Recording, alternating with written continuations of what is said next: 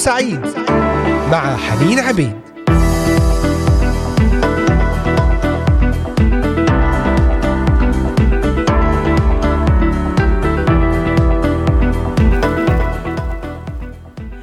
أهلا وسهلا بكم أحبائي المستمعين والمتابعين في هذا البث الحي والمباشر لهذا اليوم الثلاثاء الثالث من شهر أكتوبر عام 2023 معكم على الهواء مباشرة حنين عبيد أجمل وأطيب التحيات من هنا من الأراضي المقدسة لجميع المستمعين والمستمعات. نهاركم سعيد وحلقة جديدة في برنامجنا وعنوانها أنت المثال أم أنت الواقع؟ ضمن سلسلة شفاء المشاعر الجريحة. فتابعونا من خلال قناة اليوتيوب للبث المباشر إذاعة صوت الأمل وأيضا عبر تطبيقات الهواتف النقالة Voice of Hope Middle East وعلى موقعنا الرسمي voiceofhope.com نرحب بكم على صفحة الفيسبوك إذاعة صوت الأمل وعلى منصات البودكاست المختلفة لإذاعة صوت الأمل أحبائي هل أنت المثال أم أنت الواقع؟ هل أنت المثال أم أنت الواقع؟ يقول بولس في رسالة كورنثوس الثانية الأصحاح العاشر لأننا لا نجترئ أن نعتد أو أن نعد أنفسنا بين قوم من الذين يمدحون أنفسهم ولا أن نقابل أنفسنا بهم بل هم إذ يقيسون أنفسهم على أنفسهم ويقابلون أنفسهم بأنفسهم لا يفهمون ولكن نحن لا نفتخر إلى ما لا يقاس بل حسب قياس القانون الذي قسمه الله لنا قياسا للبلوغ إليكم أنتم أيضا. ويقول في المزمور الحادي والخمسين ها قد سررت بالحق في الباطن ففي السريرة تعرفني حكمة. يحتاج المهووس بالكمال لأن يتعلم كيف يعيش حقيقته في المسيح. وفي سبيل ذلك يعوزه العلاج الصارم وإعادة البرمجة كليا لئلا تقوى عليه المخاطر التي تعترض سبيله. فربما كانت أوخم عاقبة لهوس الكمال هي الغربة عن الذات الحقيقية. لنرى اذا أين تبدأ هذه الخسارة المأساوية وكيف يحصل ذلك. يتلقى الولد في مراحل نموه رسائل عن نفسه وعن الله وعن الآخرين وعن العلاقات المتبادلة. وهو يلتقط هذه الرسائل أو يتلقنها مباشرة من طريق ما يقال له أو ما يفعل أمامه أو من طريق ما لا يقال وما لا يفعل. وتكون هذه عادة مجموعة من العوامل الكثيرة. ثم يتبلغ الناشئ هذه الرسائل وبالتدريج ولكن بالتأكيد دون وعي منه. فالولد الذي يتلقى رسائل سلبية يتصور أنه غير محبوب وغير مرغوب به كما وهو ويقول لنفسه حاولت بكل وسيلة أن أحصل على الرضا بكوني كما أنا والآن أعرف أن أكون مقبولا ومحبوبا إذ أصبحت شخصا آخر. لا يكون تفكير هذا الصغير عن إدراك فهو لا يعرف ما يحدث في حياته.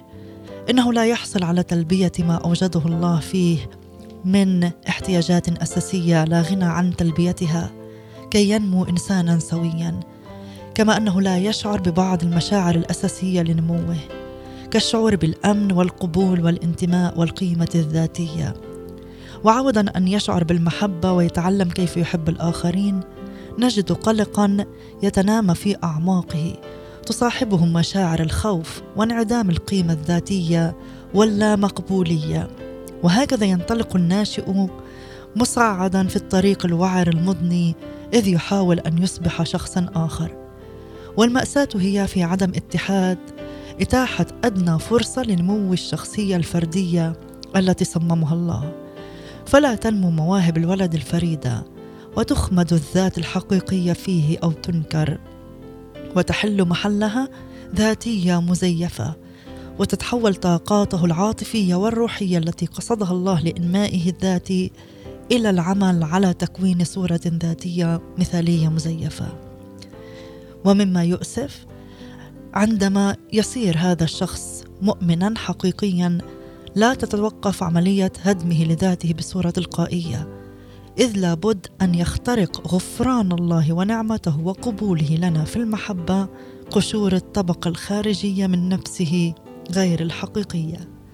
لتنبعث في حياته من جراء ذلك روح جديدة من الاستقامة والصدق.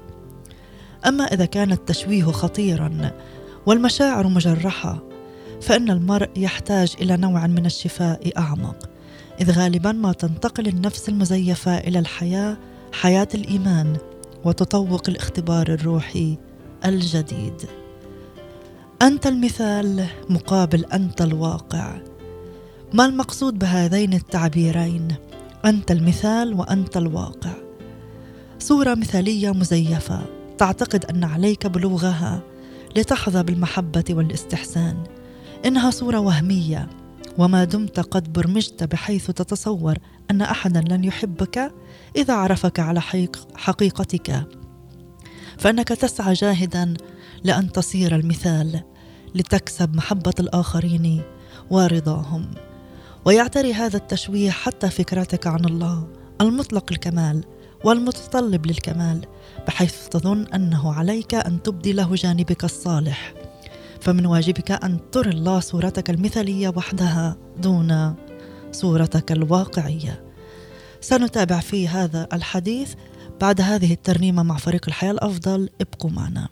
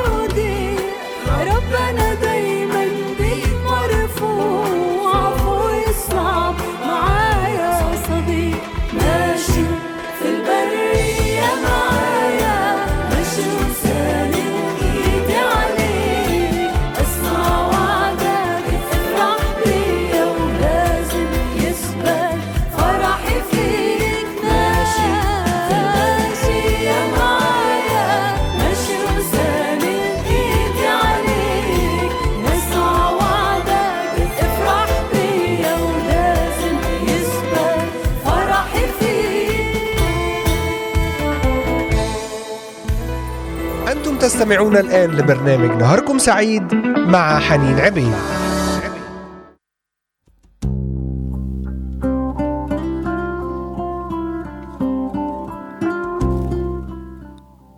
عدنا إليكم أحبائي المستمعين. أرحب بكم أجمل وأطيب ترحيب في هذا البث الحي والمباشر. موضوع حلقتنا ضمن حلقة نهاركم سعيد. أنت المثال أنت الواقع. أنت المثال مقابل أنت الواقع أي صورة من هاتين الصورتين تتقدم بها إلى حضرة الله عند الصلاة والتأمل ما هي الصورة؟ هل أنت المثال أم أنت الواقع؟ نعم أحبائي المستمعين المثال بمعنى أنني أسعى إلى الكمال أسعى إلى أن أكون صورة مثالية غير الصورة الحقيقية الواقع الذي أنا فيه. أنت المثال والمشاعر في مثا في مجال المشاعر. يتعثر مهووس الكمال بأعظم مشاكله. لأن صورة الذات المثالية شخص يأبى الاعتراف بأنه من الطبيعي أن يختبر موضوع معين أو ناحية معينة من المشاعر. وعادة تكون لديه صورة عقلية غير كتابية عن يسوع المسيح الرقيق اللطيف المتواضع.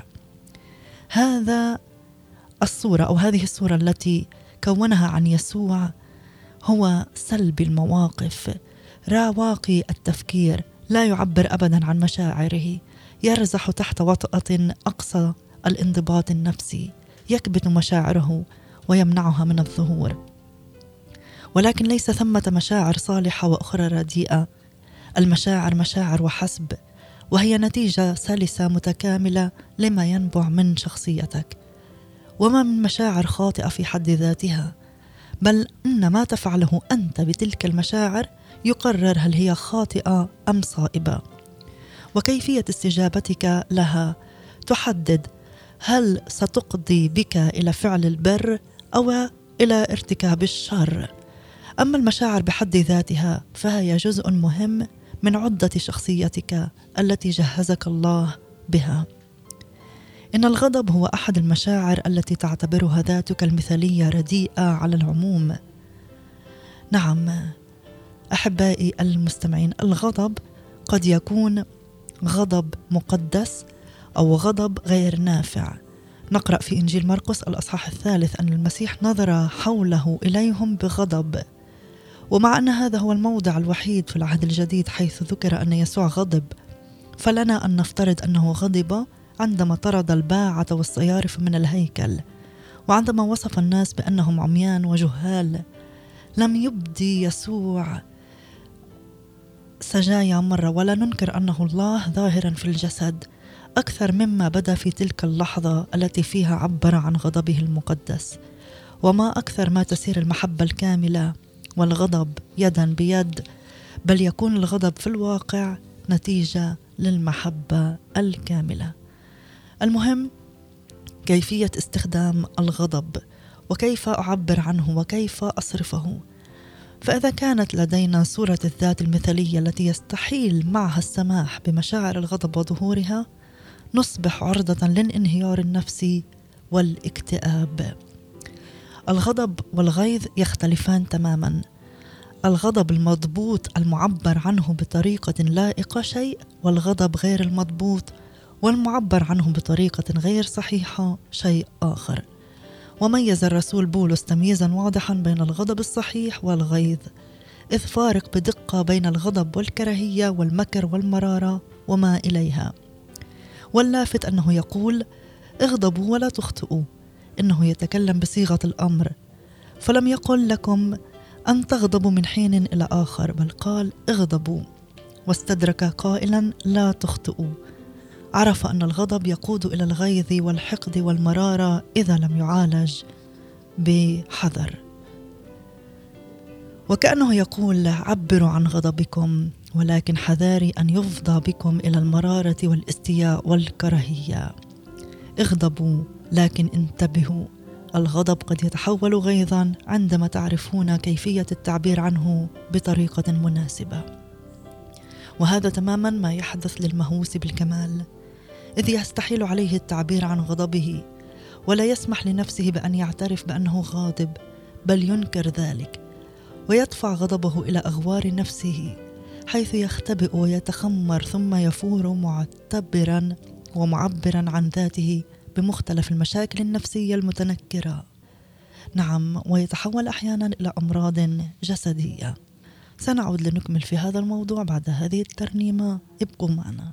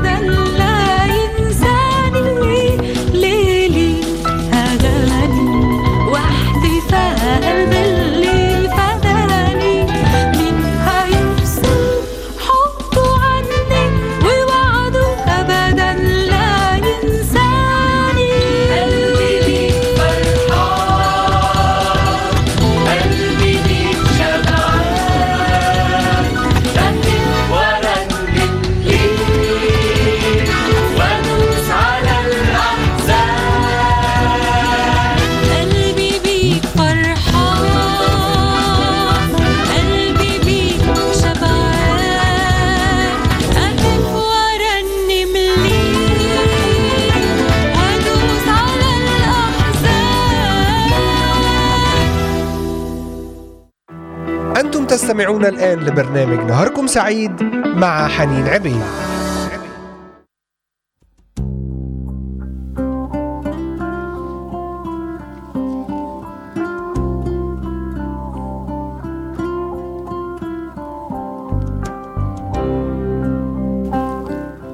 الغضب شعور موجود في النفس وهو جزء من صورة الله في شخصية الإنسان. ومن الواجب أن يستعمل لغايات بناءة. هذا بالنسبة لي أنت المثال وأنت المشاعر. أنت المثال والصراع. لذاتك المثالية فكرة شخصية مفادها أن عليك أن تنسجم دائما مع الجميع وأن تكون محبوبا لديهم والا يكون بين المؤمنين أي اختلاف.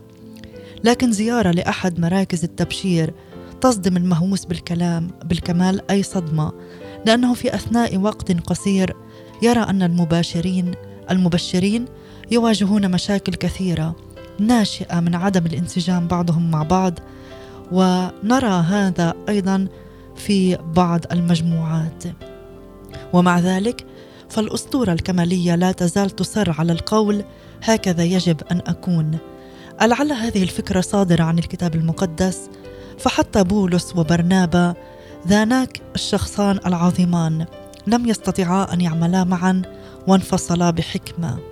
وبحكمة أيضا وضعت الكنيسة الأولى الأيدي على كليهما وأيدتهما وأرسلت كل منهما إلى جهة واستخدم الله ضعفهما البشري لتأسيس خدمتين تبشيريتين بدل الواحدة واستخدم الله خلافهما لغير لخير يوحنا مرقس لكي يجعله أكثر نضجا ويستخدمه لكتابة إنجيل مرقس.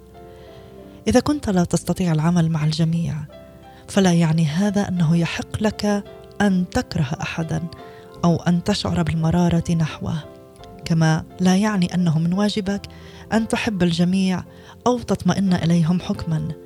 فلا تدع ذاتك المثالية تعيد عليك التسجيل القائل إن كنت لا تنسجم وغيرك فأنت المخطئ أنت المشكلة. ولو كنت تهتم قليلا بهذا الأمر أو ذاك لكان كل شيء على ما يرام. لم يقل بولس إذا امتلأتم بالروح القدس تعيشون بسلام وهدوء مع جميع الناس. بل قال إن كان ممكنا. ما دام الأمر يتعلق بكم عيشوا في سلام مع جميع الناس. هذا من الترجمة التفسيرية. إذ ربما تكون المشكلة في الشخص الآخر. ولنلاحظ أن بولس يردف قائلا كما تقول ذاتك المثالية. أجل وتلك المشكلة مشكلتك. أنت أيضا أنت المسؤول عن إصلاح حال الشخص الآخر. أفلا ترى في القول التالي ما يضحك ويبكي معا؟ ما أمجد أن نعيش مع القديسين في السماء. ولكن ما أثقل أن نعيش معهم هنا على الأرض. إن ذاتك الواقعية تواجه واقعا مشحونا بالاختلافات والصراعات وهي تحب الآخرين وتهتم بمواجهتهم بروح المحبة. ولكن ذاتك الواقعية أيضا تعرف أن الحل الأفضل والوحيد يكون أحيانا العمل بما قاله ستانلي جونز الاتفاق بكل وفاق على عدم الاتفاق. الاتفاق بكل وفاق على عدم الاتفاق. أنت المثال والسعادة. إن ذاتك المثالية تصدق الأسطورة التالية. علي أن أكون دائما في أقصى السعادة. لكن هل أنت دائما سعيد ولست مكتئبا وتفيض بتسبيح لله؟ أليس في حياتك صراع؟ ألا تشعر أحيانا أن السماء كالنحاس؟ إنك تقوم بعملك بدافع الواجب ليس غير. ولا شعور لديك بأدنى سعادة. قال يسوع لتلاميذه في بستان جتسيماني نفسي حزينة جدا حتى الموت. وخر على الأرض وكان عرقه يتصبب بغزارة وهو يخوض جهادا عنيفا بين شعوره وإرادته. كان شعوره يقول يا ابا الآب كل شيء مستطاع لك فأجز عني هذه الكأس. ولكن إرادته كانت ثابتة وظلت تردد لتكن لا إرادتي. بل إرادتك وأحيانا يسبب لنا هذا النوع من الصراع اضطرابا شديدا في نفوسنا. سنتابع في الحديث بعد هذه الترنيمة ابقوا معنا.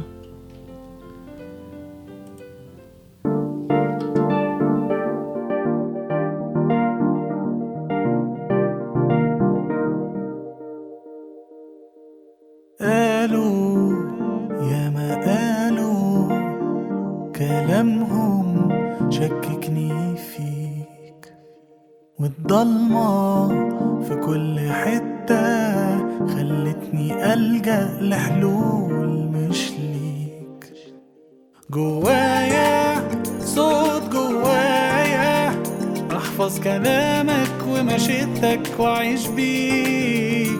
والبداية هي إن أصدق إن أنت النور والحق والطريق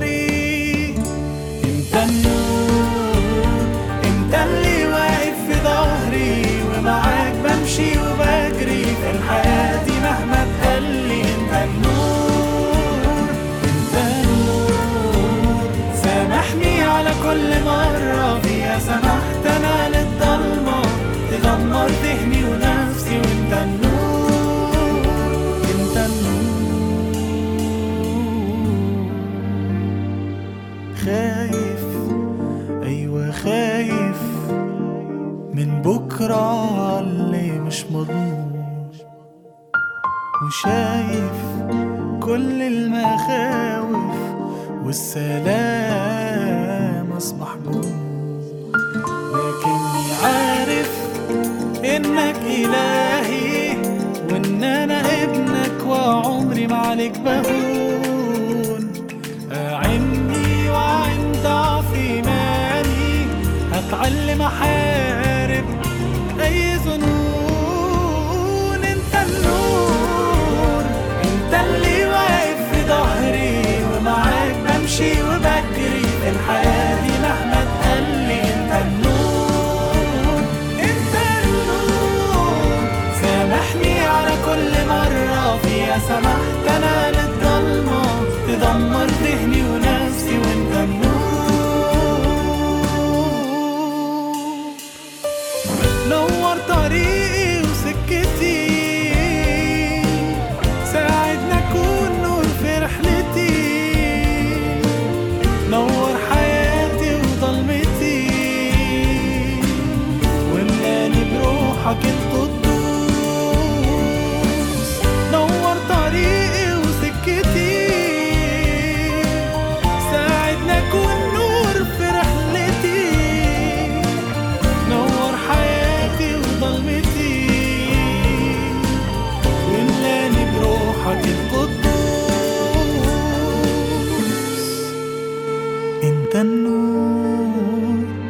اللي واقف في ظهري ومعاك بمشي وبجري في الحياة دي مهما تقلي. أنتم تستمعون الآن لبرنامج نهاركم سعيد مع حنين عبيد.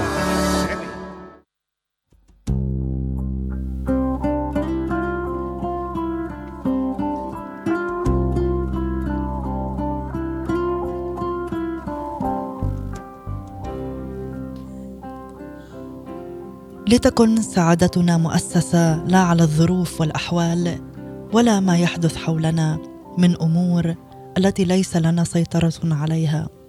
وليكن لنا الفرح دائما كما يليق بنا نحن المؤمنين. فالفرح لا يتعلق بالأوضاع والأحداث والعلاقات الخارجية بل هو سكينة النفس في وجه العاصفة. فقد تكون المشاعر هائجة مائجة ولكن يمكن أن يصحبها شعور ثابت بصوابيه مشيئة الله. ولا يعني هذا أن علينا أن نطوف متنكرين بأقنعة الذات المثالية ونحن نبتسم. ف لكن ونقول عبارات نكررها بدون وعي. كلا أحبائي أنت الواقع. بوصفك مؤمنا حقيقيا تستطيع أن تكون واقعيا. ومعنى هذا لا حاجة بك لأن تخشى مواجهة الأمور الأسوأ والأشد ألما. ولا داعي أن نخاف التغيير والتعبير عن مشاعر الأسى والحزن والألم والوحدة والصراع والاكتئاب. وقد نختبر أحيانا مشاعر اكتئاب كالتي اختبرها إيليا بعد انتصاره العظيم حتى قال كفى الآن يا رب خذ نفسي. تميزت سيرة ربنا يسوع المسيح بالصراحة التامة. وقد سجلت الأناجيل بوضوح. كل مشاعر عبر عنها دون أدنى خجل أو شعور بالذنب بالنقص. فاقتدي بيسوع لا بايه ذات مثالية خرافية. إذ لا داعي أن تجزع من أن تعبر عن مشاعرك وأن تعيش ذاتك الحقيقية في المسيح. عندما تهدر الوقت والطاقة محاول العيش على مستوى أنا المثال. تحرم نفسك النمو وطيبة الشركة مع الله. ولا تسمح لله أن يقبل أو يحب ذاتك الواقعية التي مات المسيح لأجلها.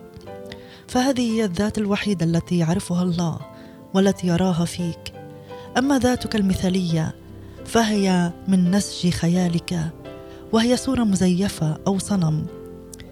أحبائي نعم الله لا يرى الذات المثالية. إنما في وسعك أن تعيش حقيقه حقيقه ذاتك في المسيح ولا حاجة بك لأن تقارن نفسك بأحد. الرب يريد أن يشفيك أنت ويغيرك أنت بحيث يتاح لذاتك الواقعية. أن تنمو لتصير ذلك الشخص الذي قصد لك الله أن تكونه. سنتابع الحديث بعد هذه الترنيمة. ابقوا معنا.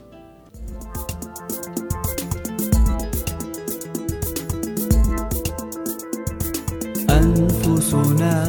انتظرت الرب معونتنا وترسنا هو أنفسنا.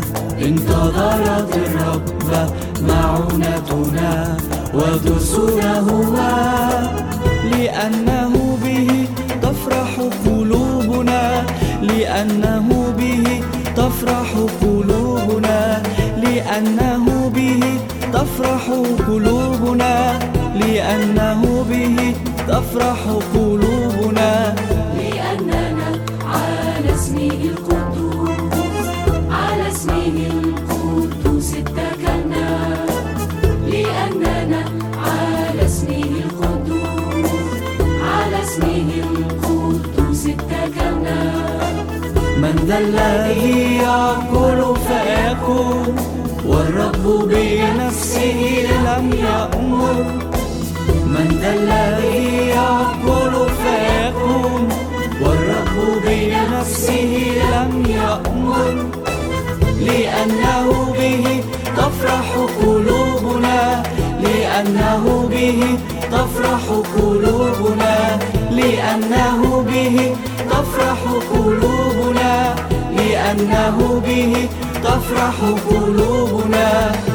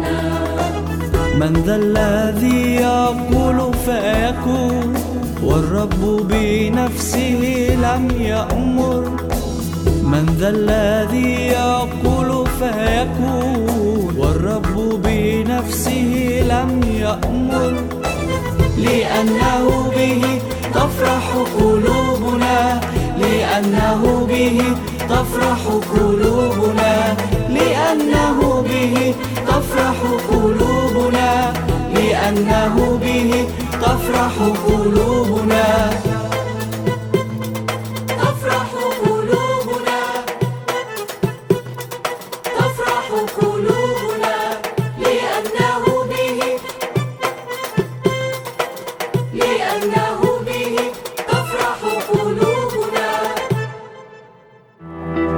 تستمعون الآن لبرنامج نهاركم سعيد مع حنين عبيد.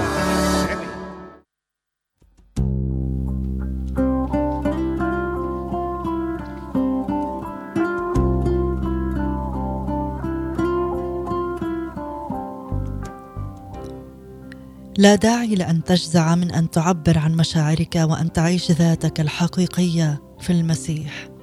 عندما تهدر الوقت والطاقة محاولا العيش على مستوى أنا المثال. تحرم نفسك النمو وطيبة الشركة مع الله. ولا تسمح لله أن يقبل أو يحب ذاتك الواقعية التي مات المسيح لأجلها.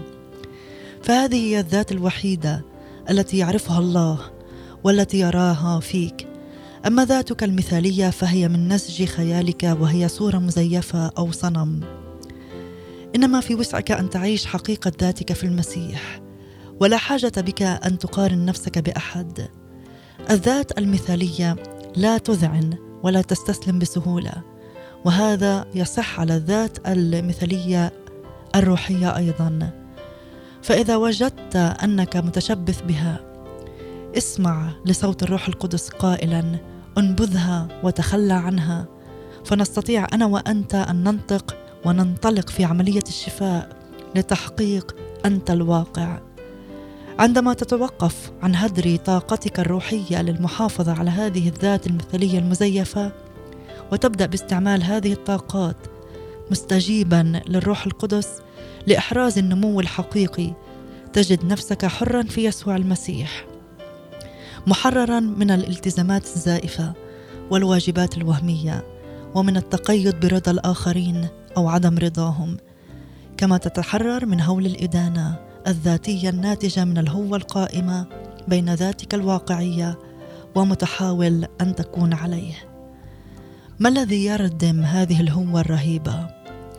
إن لك في صليب المسيح ملء كمال يسوع إنسان الله الأمثل الحقيقي هبة مجانية بنعمته. مما يسد جميع الفجوات في حياتك ويزيد. ما أجمل قول بولس ومنه أنتم بالمسيح يسوع الذي صار لنا حكمة من الله وبرا وقداسة وفداء. آمين. يسوع المسيح هو مثال الكمال وكمال المثال. يا رب نشكرك لأجل هذا الوقت ونشكرك لأجل هذا الكلام. اختم عليه في قلوب أحبائي المستمعين. احفظهم في ملء مشيئتك ونعمتك. إلى لقائنا القريب بنعمة الرب. آمين. آمين. أحبائي بهذا نختتم الحلقة وأترككم مع ترنيمة لفريق الحياة الأفضل بارك يا نفس الرب. إلى إلى لقاء جديد بنعمة الرب. قريبا ونهاركم سعيد.